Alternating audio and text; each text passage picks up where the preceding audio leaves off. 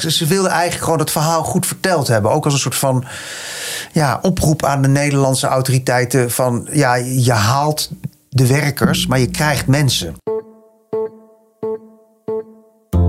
De artikelen van Follow the Money komen niet zomaar uit de lucht vallen. Daar gaat heel wat graafwerk aan vooraf. In deze podcast vertellen auteurs van FTM over hun onderzoek en de achtergronden van hun verhaal. Frederik vraagt door. De podcast van Follow the Money. Harm Ede Botje, welkom in de podcast. Hi, leuk dat ik er ben. Lange tijd geleden, hè? Ja, behoorlijk lang geleden. Ik weet niet waar we de laatste keer over gesproken Ja, hebben. over Nigeria, Shell in Nigeria. Oh ja, god. Shell Volgens Nigeria. mij. Ja, dat zou goed kunnen. Ja, Shell Nigeria heb ik ook nog heel veel onderzoek naar gedaan. Ja. Je bent weer terug bij Follow the Money, alweer een tijdje hoor. Ja, maar sindsdien hebben we elkaar nog niet gesproken. Wat is jouw eh, taak hier? Nou, bij Follow the Money gaat het heel vaak over het waarom en het hoe. En, en wat minder vaak over de wie, dus eh, de, de hoofdpersonen. En ik, eh, ik, ik, toen ik hier in dienst kwam, is me gevraagd: maak profielen. Profielen van, van individuen, van mensen die in de dossiers van Follow the Money een belangrijke rol spelen. Of een hele. Eh, een hele onbelangrijke rol, zoals het profiel waar we het nu over gaan hebben. Het, is niet, het gaat niet over een tycoon. Ehm, maar profielen en daarnaast maak ik ook reconstructies. En ik eh, dus grote zaken reconstrueren. En de afgelopen tijd heb ik me ook bezig gehouden, omdat het heel erg in het nieuws was, met het boerendossier. Dus eh, samen met Jan Daalder en Daniel van Kessel heb ik een verschillende verhalen gemaakt over de boeren en over de agrarische sector. Dus je kunt eigenlijk alle kanten op? Ja, maar ja, ik zit al 30 jaar in de journalistiek. Dus eh, het- toen Wilders een enorme overwinning behaalde bij de verkiezingen, ging het bij mij natuurlijk ook kriebelen. Want ik heb in mijn jaren bij Vrij Nederland heel veel onderzoek gedaan naar de PVV en Wilders. Dus nou, wie weet komt daar ook nog wel een keer een verhaal over. Oké, je ogen beginnen te glimmen zelfs. Oh ja hoor, ja, tuurlijk. Dit keer een verhaal met de titel Wie was de dode arbeidsmigrant in het maisveld? En dat is, wat mij betreft, een klassiek journalistiek verhaal. Want het was een heel klein berichtje in de krant waar jouw oog op viel. Ja, de, de arbeidsmigratie eh, was een veelbesproken thema in de Tweede Kamerverkiezingen. Kan je zeggen, migratie in het algemeen. Hè? Dus zowel asiel als arbeid als de internationale studenten. De drie groepen.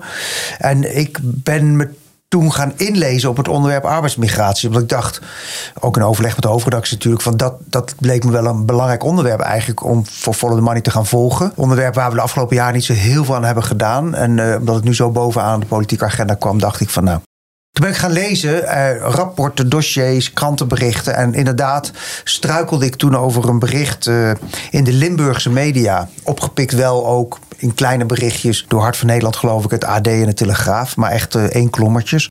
Over een man, een 30-jarige man die in een maisveld lag te slapen. En toen is overreden door een landbouwvoertuig.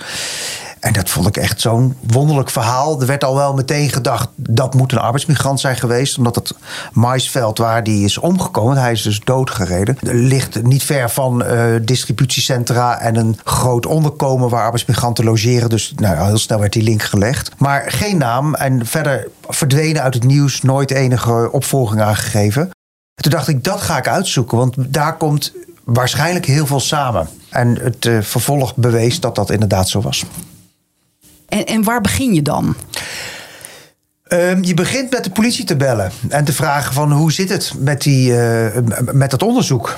Daar kreeg ik te horen dat het onderzoek was afgesloten, dat een, eh, ja, een opzet eh, werd uitgesloten en daarmee was het strafrechtelijk onderzoek klaar. En ze wilden me geen mededelingen doen in verband met de privacy, want daar loop je als journalist natuurlijk in Nederland heel vaak aan terecht. Ehm, ehm, en, en ze konden dus niet vertellen wie die jongen was en ook niet wie zijn familie was. Dus, het, dus wat bekend was, had inderdaad in de krant gestaan Zo- dat was het. Ja, nou ja, dat, dus geen, dat er geen strafrechtelijke vervolging van de bestuurder van het voertuig plaatsvond. Dat was dan een, nie- een nieuw elementje. Eh, toen ben ik gaan bellen met de gemeente. Nou, ik, daar kreeg ik ook nul op gekest. Eh, maar ik wilde natuurlijk weten wie die jongen was.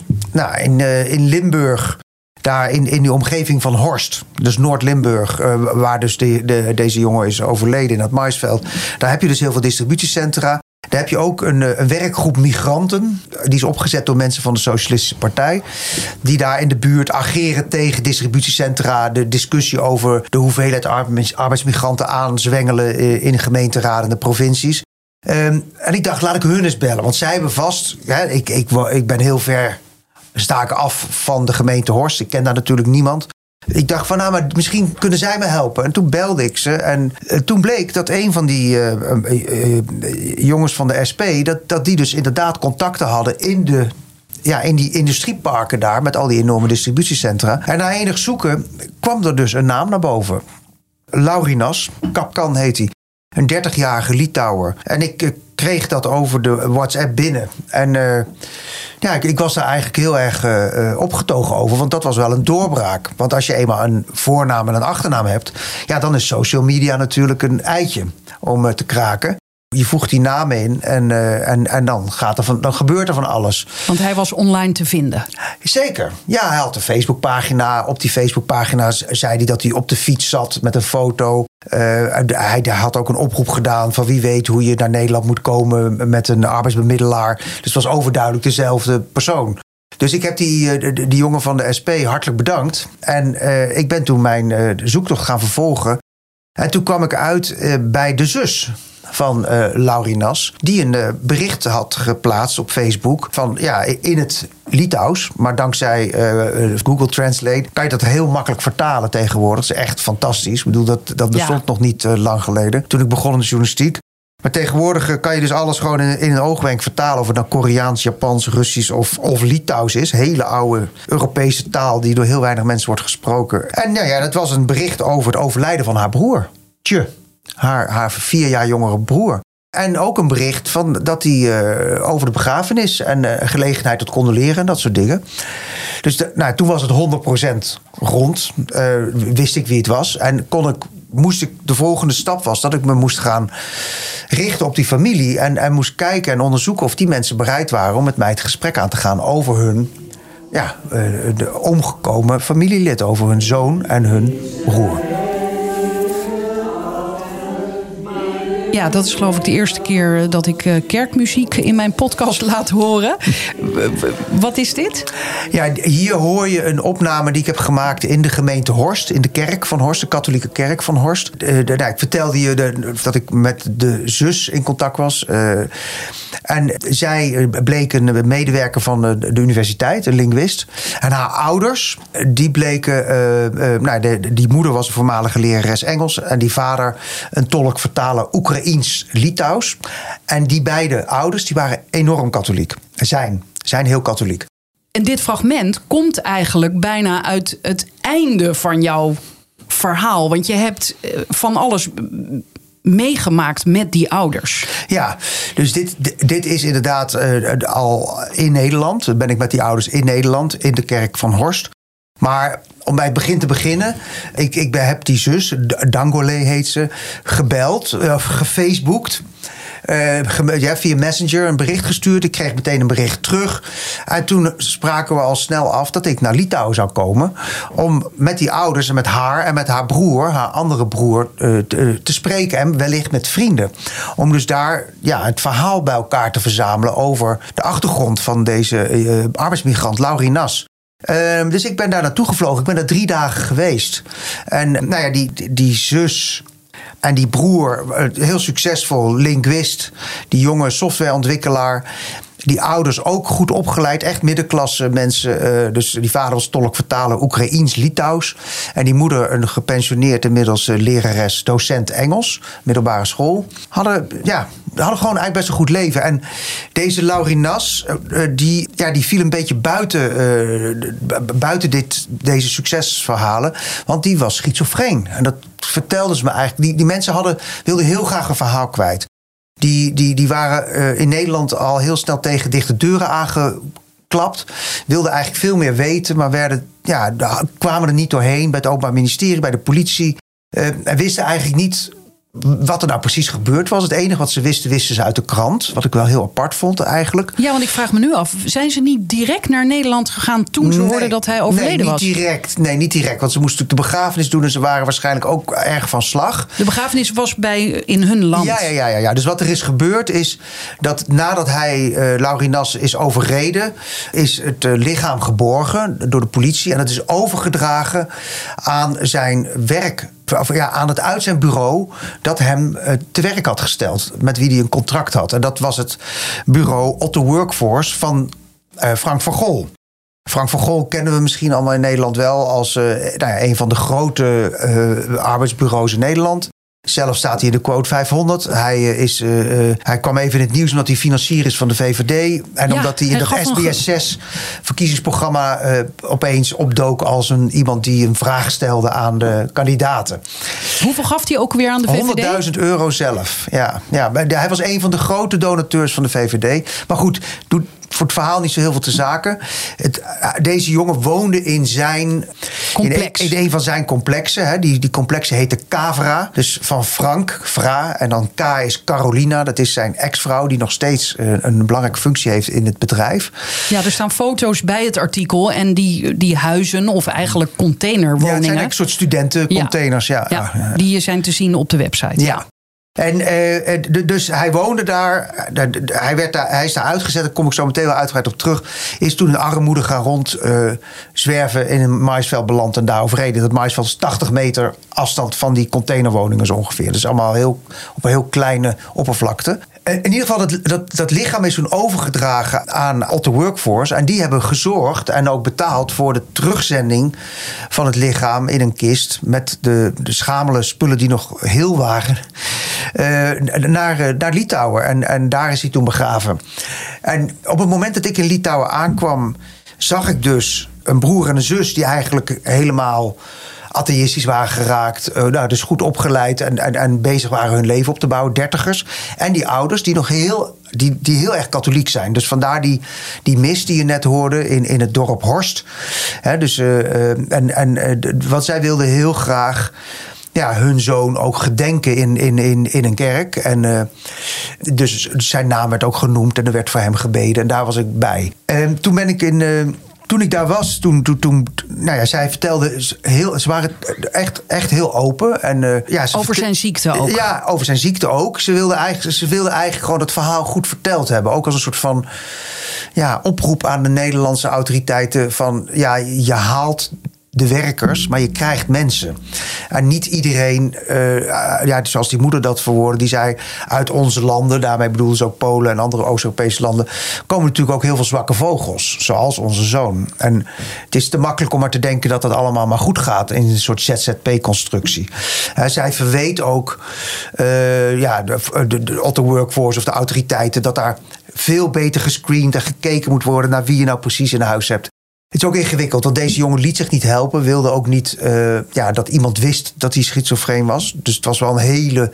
Dat, dat, dat is wat Van Gol ook in het gesprek wat wij met die ouders en ik zijn toen met Van Gogh gaan praten. Ja, nog heel even, want na die drie dagen in Litouwen ben je dus inderdaad... zijn toen die ouders al met jou mee teruggekomen? Nee, nee, nee, nee, nee. Dus terwijl ik daar was en zij me dus vertelde over hun zijn moeilijke jeugd... en hoe die dus eigenlijk aan het einde van zijn middelbare school... steeds zich opsloot, met computers in de weer was... zijn kamer niet meer uitkwam. Uh, en, en, en, op een gegeven moment is toen schizofrenie vastgesteld. Hij had kleine baantjes en zijn droom was naar Nederland. En dat heeft hij... Uh, en, en, uh, hoe was hij daarbij gekomen? Want hoe kan je droom in Litouwen zijn om naar Nederland te gaan? Nou, hij wilde gewoon naar het westen. En, en oh, Oké, okay, had ook Duitsland kunnen zijn. Ja, maar de, Nederlandse uitbureaubureaus in Polen en in en, en de Baltische Staten zijn alomtegenwoordig. Dus als je denkt, ik wil goedkoop, georganiseerd, zeker van een baan en huisvesting, dan ga je naar een van dit soort bemiddelingsbureaus. Nou goed, terwijl ik daar was, bleek dat die ouders al van plan waren sowieso om naar Nederland te komen. Dus uh, toen, ja, dat was voor mij natuurlijk wel. Uh, ja, een, eh, een, een, mooie meevaller. Want ik had niet alleen daar het verhaal heel goed kunnen optekenen over zijn jeugdjaren en zijn problematiek. Maar kon daar vervolgens met die ouders door het Limburgse land trekken. En met alle ja, sleutelfiguren in dit dossier eh, gesprekken voeren in hun bijzijn. Dus je hebt ze echt eh, in de auto rondgereden? Absoluut. Ik was de chauffeur. Je hebt ze opgehaald op Schiphol? Of Letterlijk, nee, nee, op, op, uh, op Eindhoven. Eindhoven. Airport. En ja. toen heb ik ze, ja, toen heb ik ze rondgereden. Ja, dus de, ik, ja, en is dat voor jou uh, als journalist logisch dat je dit dan doet? Want ja, dat vind ik wel. Ik, ik bedoel, uh, uh, ze, hadden, ze konden geen auto rijden. en ik, ik vond ook dat je. Was ik permanent met ze in gesprek. En, en was ik ook overal bij. De politie en het Openbaar Ministerie liep me trouwens niet toe bij de gesprekken. Maar goed, ik ving ze dan wel op na afloop. Ehm, en ja, nee, dit was heel intensief. Maar ik denk wel dat je daardoor een beter verhaal krijgt. Als je gewoon helemaal erin gooit, gooi je er ook helemaal in. Ja. En hoe check je dan of hun verhaal eh, klopt? Ik heb van alles, heb ik dossiers gevraagd, onderleggers gevraagd. eh, en, eh, Onderleggers, nou ja, ik zo? ja, de onderleg- onderliggende stukken. Ja, ja, ja. Dus, dus het schouwrapport en, en eerdere. Dus dan even terug naar het verhaal. Dus die jonge Laurinas, die, die, die, ja, die, die, die konden uiteindelijk niet naar school. Hij heeft wel, geloof ik, net zijn middelbare school kunnen afmaken, daarna niet meer. En hij is dus drie keer naar Nederland geweest. En de eerste keer eh, zat hij in de buurt van Roosendaal. En woonde hij vlak over de grens in een klein Belgisch dorpje. eh, met andere arbeidsmigranten. En dat is op een conflict uitgelopen. En toen is hij in de winter van 2019, dus voor de corona, kerst 19, is hij zonder jas, het was nogal koud, eh, het bos ingelopen. Het was een bosrijke omgeving. En toen hebben ze die, die jongens met wie hij in huis woonde, eh, eh, ja, hebben die ouders benaderd en gezegd: Ja, Laurinas is weg. Gaat niet goed, ja. het gaat niet goed. Die ouders zijn toen op stel en sprong hier naartoe gekomen. Dus in vijf dagen is er een enorme zoektocht geweest. En uiteindelijk, oh, ze hebben ook toen ook op Facebook hebben ze een foto gezet van waar is die en zo. En toen reageerde een verpleegster. Eh, Hier in een psychiatrische kliniek in Amsterdam. En daar zat hij. Hij Oh, was, hij was oh. met de trein naar Amsterdam gegaan. In een koffieshop beland. Daar is hij eh hash gaan roken. eh, is hij heel raar gaan doen. Volgens de anderen die daar eh, waren politie is erbij gehaald. Toen is hij dus naar een, eh, naar een kliniek overgebracht. En daar heeft hij echt een aantal weken gezeten. En Dit, uiteindelijk. dit is dan zo'n bekend verhaal als je leest van een verwarde man. Ja, verwarde man. Ja, ja, dus een schizofrene jongen. Die dus, eh, ja, de, de- bij wie het allemaal te hoog opliep. En dan ook nog drugs gaat gebruiken. Eh, hij, hij deed veel aan zelfmedicatie. En had dus gewoon medicijnen die schizofrenie konden onderdrukken. Maar die gebruikte hij niet altijd. En dan ging hij toch ook hars roken en andere middelen gebruiken. Ja, het- hij Maar was... toen, die keer, is hij dus gevonden. Ja, toen is hij gevonden. En toen is hij dus ja, miraculeus ontsnapt en teruggekeerd naar Litouwen. Na, na verloop van. Toen zijn- zijn de coronajaren eroverheen gegaan. Eh, hij is nog een keer kort terug geweest. Dat heb ik niet in het stuk vermeld. En dan gaat hij nog een keer. En dan komt hij bij Otto Workforce terecht. Eh, die eerste keer in Blitterswijk woont hij dan. Dat is een voormalig vakantiepark waar ook arbeidsmigranten worden gehuisvest. En daar gaat het ook een keer mis. Daar gaat het ook mis. Daar, daar rookt hij ook hash volgens mij. En hij, hij raakt heel erg eh, van slag. En hij belt dan zelf de politie. En de ambulance komt ook. En dan, dan, ja, dan, dan heeft hij paniekaanvallen. En eh, later in het gesprek met Frank van Gol... want dit was... eh, al voor Otto Workforce en het vakantiepark waar die was ondergebracht, werd ook beheerd door Cavra. Of door Otto Workforce in ieder geval. En een voorloper van Cavra geloof ik. Dat die twee zijn gescheiden. Hè? Dat moet je, dus allemaal heel, heel belangrijk om dat goed aan te geven. In ieder geval. eh, Later bleek dat, dat hij wel op het vizier stond bij Otto Workforce. Van hé, wat is met deze jongen aan de, aan de hand? Er was ook een afspraak ingepland. Van we moeten hem spreken. Hij is ook naar een dokter doorverwezen. Die dokter heeft hem ook naar een psychiater doorverwezen. Maar bij die psychiater moest hij twee weken wachten. En toen had hij zelf besloten, dan ga ik terug naar huis. Dat duurt me te lang. Dus toen is hij net weer van de radar afgevallen bij Otto Workforce. En is dat gesprek met zo'n troubleshooter van Otto Workforce met hem is niet doorgegaan. Ja, achteraf is dat dus jammer. Hè, want daardoor stond hij niet geregistreerd als iemand met een issue. Met problematiek. Nee, ja, ja, nee, ja. nee. En je noemde nu twee keer het gesprek met Van Gol. Hoe, dus, dus die ouders kwamen, je hebt ze opgehaald, Eindhoven Airport. eh, eh, waar zijn Nou politie, OM? En nee, waar, we zijn Eindhoven Airport eh, en toen zijn we bij de gemeente geweest. We zijn ontvangen door de burgemeester. We zijn ontvangen en de wethouder. De, de deken van Horst, dus katholieke vertegenwoordiger...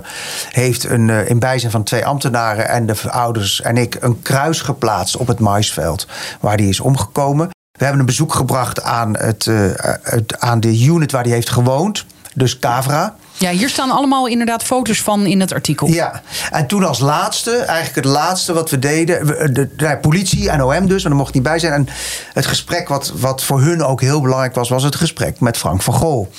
Ik, ik, ik appte Frank van Gol. Hè, want dan zie je dus. Je appte hem, je had... eh, Ja, dus ik had zo- zo'n 06-nummer op een of andere manier eh, tevoorschijn getoverd. En eh, kijk, voor die ouders is alles ingewikkeld. Spreken de taal niet, kennen het land niet, hebben de ingangen niet. Dus ik hielp ze ook door dus eh, ja, zo'n Van Gol te benaderen. Dus je was eh, journalist slash gids eigenlijk. Ja, maar wel ook om, om het verhaal. eh, En tolk-vertaler. Ja, nee, nou, nee, nee, nee, want ze spraken vloeiend Engels. Oh ja, oh ja, docent Oh ja, Engels. ja, docent. Engels. Maar ik heb toen wel Frank van Gol benaderd en gezegd: Goh, weet je, die, ik ben bij die ouders langs geweest. Die ouders zijn nu hier en die zouden heel graag met jou in gesprek willen over wat er gebeurd is. En Van Gol die natuurlijk ook regelmatig kritiek krijgt in de media. Ja, die, die reageerde hier wel heel goed, vond ik. Eh, want die zei. Ik heb anderhalf uur de tijd voor jullie. Je kan op die en die dag komen, s ochtends om negen uur. Dan ben ik er. Oké. Dus we reden daarheen. En ik zag wel een beetje spanning bij die ouders. Want het is natuurlijk niet niks. Ik bedoel, De eh, grote baas. Ja, zo, ja, toch voor in hun ogen.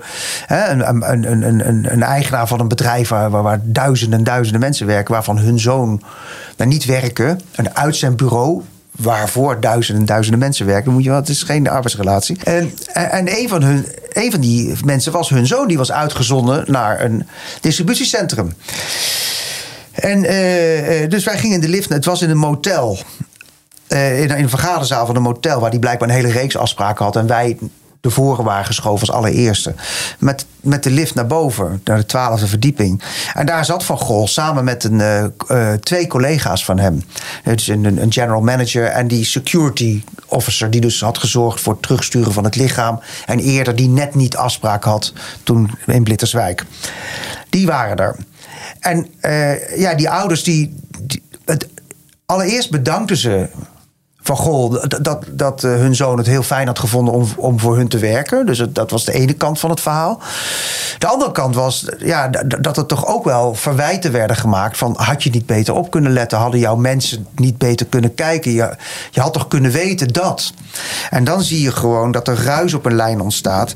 Dat die ouders waren in de veronderstelling dat iedereen wel wist dat hun zoon een psychiatrisch probleem had. Ja. Maar op grond van de Nederlandse privacywetgeving en op grond van de verhouding tussen uitzendbureaus en contractanten of hè, de, de ZZP'ers, die uitzendbureaus mogen in principe helemaal niet vragen naar medische achtergrond van mensen. Nee, en laat staan dat ze mensen gaan uitzenden met zo'n label. Van, eh, Nou ja, hebben- daar zou je nog over kunnen nadenken. Misschien doe je, dat, doe je dat dan juist wel als die prima bemiddelbaar is, maar wel met een kleine aanwijzing of een extra. Hè? Dat is iets anders. Maar Ja. je, je mag er niet naar vragen. En, ze, Nee. wi- en ze wisten er dus ook niets van. Nee. Dus op het moment dat die ouders zeiden van. Ja, Hadden onze- jullie niet kunnen Nee, weten? Ja, hadden jullie antwoord kunnen weten, nee? onze zoon is schizofreen. En toen zag ik ze een beetje schrikken van... ja, maar dat- dit, dit hebben wij nooit geweten. Eh, Van Gol zei het ook een en andermaal. Als we dit hadden geweten, hadden we ons natuurlijk, hadden we ons natuurlijk heel anders opgesteld. En dan, dan hadden we... Hè, want wat gebeurde er? Eh, En, en dat, dat was natuurlijk wel een kwestie die, die besproken moest worden... is dat, hun, eh, dat Laurinas een onmogelijke bewoner was. Hij bonkte s'nachts op deuren. Eh, hij maakte een puinzooi van zijn kamer. Eh, een van de getuigen die ik sprak, eh, die s'avonds op zijn kamer was geweest, die zag open en blote paddenstoelen liggen en hash. Nou, de, de- je mag geen hash gebruiken. Misschien paddenstoelen ook nog wel, dat weet ik niet. Maar daar in die locatie mag dat niet. Dat, dat, dat, moet je, er zijn alle huisregels. Hij voldeed niet aan huisregels. Hij was er herhaaldelijk voor gewaarschuwd. En dan gaat er een protocol in werking. Daarom was hij ook weggegaan uit het gebouw. Hij moest weg. Ja. Kijk, ze hadden tegen hem gezegd: je mag blijven werken. Want werken en wonen is gescheiden bij ons. Maar je bent niet handhaafbaar in deze locatie. Dus zoek ergens een andere plek. Je kan daar gewoon blijven werken. Laurinas had begrepen dat hij ook bij het werk weg moest. En dat is, dus, Oh. dat is dus een misverstand geweest. Hij was echt in paniek. Geen huis en geen werk. En dat van geen huis was echt wel een issue natuurlijk. Want hij vindt maar op eh, een, nieuw huis heel snel. Dat, is natuurlijk best moeilijk. Maar goed, vandaar dus dat hij was gaan zwerven... en uiteindelijk in dat maisveld terecht was gekomen. Dus die ouders die zeiden tegen Van Gol en die andere mensen... van waarom hebben jullie niet beter naar hem gekeken... beter op hem gelet? Iemand die s'nachts op deuren bonkt... is toch niet normaal enzovoort. Maar daarvan was het antwoord toch ook van ja, dit. Van zei- die op een gegeven moment deed zijn arm in de lucht, zei hij van: Ik heb 20.000 mensen lopen en deze hadden we niet op de radar. En ja, ik- zag aan hem dat hij het echt. Echt heel moeilijk vond. Toen hij is zelf ook vader van kinderen. Hè? Die, dit is natuurlijk niet. Dit is natuurlijk een, nachtmerrie. En eh, eh, ja, nee. Dus het was een heel intens gesprek. Die ouders hadden een mengeling van ja, de verwijten, maar ook. Ja, de- Hoe eindigde dit gesprek? Je bent altijd welkom met nadere vragen. Als je terug naar Nederland komt, laat van je horen. eh, we zijn er voor jullie. Het was heel erg op die manier. Ehm, de woede was niet weg, maar dat kan je ook niet, dat kan je niet verwachten van mensen die hun zoon zes weken daarvoor hadden verloren. En eigenlijk nog gewoon heel erg in rouw waren. Ja, en, en dit gesprek heeft dus plaatsgevonden, maar je, daar stopt het niet. Want je bent bijvoorbeeld, je bent op allerlei plekken geweest. Bijvoorbeeld ook in een koffieshop. Goedemorgen, mag ik even vragen? Ah, jullie, ben, je, ben je de eigenaar? Oh, Owner? Hey. Can you speak Dutch or English? Nederlands. Nederlands, nee. Dit zijn de ouders van die jongen die hier in het maisveld is overleden. En, en ze- heb jij die jongen ooit gezien? Is hij wel eens in deze winkel geweest? Een foto. Ja, we hebben, you have a picture of your son. Je kent wel het verhaal, hè? Je weet toch dat hier in het maisveld een jongen in een tentje hij is overreden door de landbouwwerk. Ik heb... Heb je niet ik was, gehoord? Ik was in vakantie. Oh, je was op vakantie. Dit was 2 oktober. Wat probeerde je daarmee te bewerkstelligen? Om op al die. Je bent in de supermarkt geweest, hier dus in een Ja. koffieshop. Wat wilde je nog meer eigenlijk? Nou ja, die supermarkt was vlakbij het maisveld. Dus daar heeft hij de laatste telefoontje gedaan, de laatste fles, fles bier gekocht en dat soort dingen. Eh, we vonden, eh, tenminste de ouders kregen teruggestuurd een document. Een van de weinige documenten die, die, die zijn teruggevonden in dat veld. En dat document was was een set huisregels van een koffieshop in Venlo. Dus zij dachten en hoopten dat we daar mensen zouden vinden die hem zouden kennen. De eigenaar of de, de verkoper van de hash eh, en de marihuana. Of misschien mannen of jongens of vrouwen die daar in die koffieshop zaten. Dus we zijn daar naar binnen gegaan en geprobeerd uit te vogelen of daar iemand zat die Laurinas kende. Maar dat was een dood spoor. Dus dat heb ik wel een opname gemaakt, maar dat heb ik niet eh, uiteindelijk in het verhaal verwerkt. Die supermarkt was wel een eh, succesvolle, want die eigenaar die, eh, die, die, die herkende de foto en die zei meteen: ja, ja, die ken ik. Ehm, En die zei ook aardige jongen. Ja, aardige- ja, aardige jongen. Nee, maar je wil natuurlijk alle, alles horen over je kind. Dus, Ja, ja, ja, ja, ja, ja, ja. Later had hij ook wel gefluisterd dat het een aardige jongen was, maar ook iemand die wel heel veel bier kocht. Maar dat, dat past ook helemaal in het beeld. Want Dat fluisterde hij tegen jou. Nee, niet tegen mij, maar tegen eh, de- een van de andere mensen in de, die erbij Ja, ja, waren. ja. En dat past ook helemaal in het beeld, want hij deed aan zelfmedicatie. Hij dronk veel, hij rookte, hij probeerde maar gewoon zijn hersens te dempen. Wat je heel veel ziet bij schizofrenen. Ja. Hoe past dit nou in het grotere plaatje? Want dit is, jij hebt deze jongen letterlijk een gezicht gegeven. Ja. Eh, dit kleine verhaaltje heb je helemaal uitgediept. Mhm. En ik vind het heel mooi eh, dat die ouders ook zeggen: weet wel, je haalt geen arbeidsmigranten binnen. Ja, die haal je binnen. Maar dat zijn dus mensen Ja. Mhm. met al hun verhalen en hun achtergronden. Hoeveel mensen, hoeveel arbeidsmigranten hebben we inmiddels in Nederland? Nou ja, we hebben honderdduizenden arbeidsmigranten. Ehm, uit onderzoek van RTL blijkt dat er 6000 arbeidsmigranten op straat leven. Van Gouda tot het Westland en van, van Limburg tot Flevopolder. Overal duiken arbeidsmigranten op die eh, geen eh, eh, behuizing meer hebben. Die een baan of een, ja, een contract verliezen. En die dus eh, stranden. En je hebt natuurlijk heel veel arbeidsmigranten die ook in hun land van herkomst eh, onderaan de arbeidsmarkt hangen. En die dus ook weinig hebben om naar terug te gaan, hopen op toch nog een baantje eh, of een klus ergens. En dan. Als dat niet lukt, eigenlijk dakloos worden of semi-dakloos worden. En daarvan is deze jongen een voorbeeld. En jij bent ook op weer een ander bezoek aan Limburg op een plek geweest waar niet deze jongen, maar weer andere mensen eh, hebben geslapen. Ja. Hallo. We gaan een heel donker gat in. Oh ja, sorry. Zaklamp. Maar hier, dat is in vergelijking met, eh, met de laatste keer is hier het wel veel van alles gebeurd. Wat, we we zijn in de kelder van, wat is dit? In sociëteit. De oude sociëteit. Oh ja, Meteen keuken. aanschuiven, kijk. Ja, een keuken met een boterham erin. Maar wat een smeer, smerig boel zeg. Ja, maar zo leven mensen wel, Han. Ja, Kijk, de tosti ligt nog in de, op de, in de pan. ja, ja. Ja. Dat maar is ook toch een blikjes en ondergoed en handschoenen en een paraplu. Eh, ja, we horen hier ook een vrouw. Wie is dat? Ja, dat is Naomi Steiger. Zij heeft eh, eh, eh, samen met Sander Schuttevoor een, eh, de podcast Zwermelingen gemaakt. Dus echt wel de beluisteren waard. Zij is dus in de omgeving... Zwermelingen. Zwermelingen, dus niet zwervers, ook niet zwerm, maar zwermelingen. De- Zij is in de omgeving van eh, Venlo gaan kijken. Die Sander Schuttevoor, die woont in Venlo. En die in het Jammerdal, ook een prachtige Zo naam. heet dat. Ja, dat, dat is het bos daarachter. Daar zitten heel veel, of een heel aantal eh, daklozen. Eh, in Venlo, Venray, Horst. Dat gebied waar dus heel veel distributiecentra zijn. Dat is daklozen en dat zijn allemaal arbeids... of voorheen ja, ja, voormalige dat, Ja, dat arbeidsmigranten? zijn allemaal arbeidsmigranten die dus in die, in die bossen zitten. Dat is ook een groot probleem, ook in Horst. En die hebben, sorry, die hebben nog wel werk dus? Nee, Oh, nee, nee, nee. oh, die niet zijn meer. Ja, Oh. of af en aan. Af Ja, en aan. ja. dit, doe, dit was, eh, dat fragment wat je hoorde was in de kelder van een voormalig casino.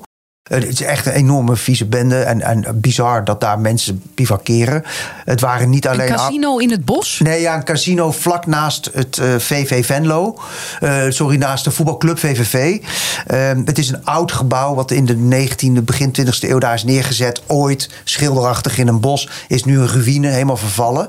Eh, zouden ze al lang moeten afbreken. En daar in die kelder, daar, ja, daar bivakeren mensen. Zijn het arbeidsmigranten, zijn het verslaafden? Het zal van alles nog wat door elkaar heen zijn. Maar in, die, in dat bos daarachter heb ik ook echt eh, tentjes gezien van, arbeids, van mensen die dus arbeidsmigrant waren. Eh, Sander en Naomi hebben ook bijvoorbeeld. Ja, er slapen ook mensen in kledingcontainers. Die dus s'nachts in een kledingcontainer kruipen, daar slapen en dan 's ochtends weer zichzelf omhoog hijsen. Doodeng door, ze- door die kleine ingang kruipen ze dan? Nou ja, die kledingcontainers zijn iets groter. Ja, die, door die kleppen, ja. ja, ja. Er zijn enorm veel misstanden. Eh, en dan even naar het grotere verhaal. Je hebt dus 6000 6000 daklozen. Eh, die hele arbeidsmigratiediscussie staat natuurlijk hoog op de politieke agenda. Het is ook niet zo dat het eh, nieuw is dat daar nu pas over gesproken wordt. Al drie jaar geleden heeft de commissie Roemer een eerste rapport afgescheiden. Ze doen steeds voortgangsrapportages. Eh, er is van alles nog op touw gezet. Dus arbeidsbureaus, waar we het duizenden van hebben in Nederland. Hele grote, zoals die van Vergol, maar ook hele kleintjes. Die maar misschien een tiental mensen in de asperge teelt of zo. Dat is dan ook een klein uitzendbureau. Die moeten allemaal een vergunning krijgen. Die krijgen allemaal de wet Bibop. Eh, de arbeidsinspectie gaat dat allemaal controleren. Dus ze gaan dus de, de, de markt reguleren, eindelijk. Want het was een liberaal, geliberaliseerde markt. Maar dat, dat liep dus helemaal fout. Spuigaten uit. Ja, de, de huisvesting van migranten gaat aan veel strengere eisen voldaan. We moeten aan, eisen, aan strengere eisen voldoen. De inspecties van die woningomsta- woonomstandigheden worden aangescherpt. Het minimumloon. Dus op, op allerlei fronten en niveaus wordt eraan gewerkt om ervoor te zorgen dat die arbeidsmigranten een eerlijkere behandeling En krijgen. dit loopt sinds drie jaar dus, dat er Ja, allerlei drie jaar regels is er worden het bedacht. rapport Roemer uitgekomen. Ehm, en nou ja, dus er wordt nu op Ja. allerlei niveaus gewerkt. De, de, de inspecteur-generaal van de arbeidsinspectie heeft gezegd: laten we die arbeidsmigratie stopzetten voorlopig. Om de zaak te organiseren. Want als je maar mensen blijft binnenhalen. Maar dat willen de bedrijven misschien niet. Nee, dat willen de. Nou ja, er is, ik heb niet eh, eh, iets teruggelezen van dat daar nu eh, grootste vervolg aan wordt gegeven. Je ziet wel politieke partijen die zeggen van rustig aan met die arbeidsmigratie. De SP, ook NSC. Ehm, maar de. de, de, de, de, En PVV ook, lijkt me. ja, Die willen alle migratie. Ja, ja maar die, die willen zelfs vergunningen voor EU. EU, die, die willen dat dus arbeidsmigranten uit de EU ook vergunningen moeten krijgen. Dus, maar dat is een onhaalbare kaart, want dat is vrijheid van verkeer, van verkeer eh, eh, Dus het hele idee van de economische Ja, maar je kan natuurlijk wel op allerlei andere manieren kan je temperen. Ja. Nou, daar wordt over gesproken. Dat is nog niet in. Dat is niet eh, de, de- de al staande recht. Wel gaat waarschijnlijk bij 1 januari 2026 niet wat die vergunningplicht voor die arbeidsbureaus, voor die bemiddelingsbureaus in. Ja, het is dus volop in beweging. En je ziet dus ook op allerlei dorpen. Dus bijvoorbeeld die, arbeids, eh, die, die, die werkgroep arbeidsmigranten in Horst, maar ook in alle andere gemeenten, dat mensen zich beginnen te verzetten tegen die arbeidsmigranten. Omdat er heel veel mensen zijn, eh, dus niet alleen die daklozen, maar ook allerlei andere mensen die, ja, die er een rommeltje van maken. Alleen staan de mannen die te veel drinken of die omvallen van een fiets, omdat ze te veel hebben gedronken. Er is dus een enorme discussie over die arbeidsmigratie. En ik heb met dit verhaal bedoeld ja, om met één, één klein bericht die hele discussie een keer zichtbaar te maken. Ja, nou, dat is behoorlijk goed gelukt. Eh, eh, Er zijn eh, wat reacties gekomen op jouw stuk op de website. De wereld van de arbeidsmigranten is voor veel Nederlanders een ver van mijn bedshow. Wij zien de gigantische bedrijfspanden en de busjes met arbeiders wel, maar we hebben geen idee van hun leefwereld. Hier in en rond Den Haag speelt het vooral vanwege de kassen in het Westland. Heeft een tuinder minder mensen nodig, dan belt hij het uitzendbureau en komen de volgende dag minder mensen. Gebeurt dit op op grotere schaal, dan merkt men het op de veiling ook. En geen werk betekent dan ook vaak geen woning. Een vriend van mij heeft vanuit zijn werk veel te maken met dak- en thuislozen. Volgt nu ook een cursus Pools om die mensen makkelijker te kunnen helpen. Hij kan nog geen complete conversaties voeren, maar een stukje basis van die taal maakt het wat menselijker. Dan hadden ze maar Nederlands moeten leren en keren ze maar terug naar hun eigen land. Mwah, zegt hij. Wij hebben ze als goedkope krachten aangetrokken. En als het work, eat, sleep, repeat is, je alleen maar arbeidsmigranten als collega's hebt, dan pik je maar weinig Nederlands op. Om maar aan te geven, eh, de, de leden, sommige leden van Follow the Money zitten in dit verhaal. Andere vrouw zegt: Ik zit twee keer per week in de ochtend om zes uur in de trein. Met vaak veel arbeidsmigranten en nog niet zoveel Nederlanders. Net een parallele wereld. Ja. Dan vraag ik waar ze werken en wonen en hoeveel ze verdienen. En wat hun dromen zijn. Heel divers en soms inspirerend en dan weer sneu. Ja, Zo ja, is het inderdaad. Dat vond ik ook goed gezegd. Een parallelle wereld. Ja, het is een parallele wereld. Ja, zeker. Ook als je in die behuizingen komt. Het, het, het is een op zichzelf staande wereld. Er zijn natuurlijk ook mensen die, die echt wortelen in de Nederlandse samenleving. Die jaren wonen. Ook in Horst zijn er mensen die jaren daar, die daar, of die daar gewoon gezinnen stichten. En, die, en het zijn Europeanen, hè? Zijn gewoon EU-burgers. Dus het is gewoon- je- je- als je dan vestig je gewoon hier, dat is geen probleem. Anderen gaan op en neer.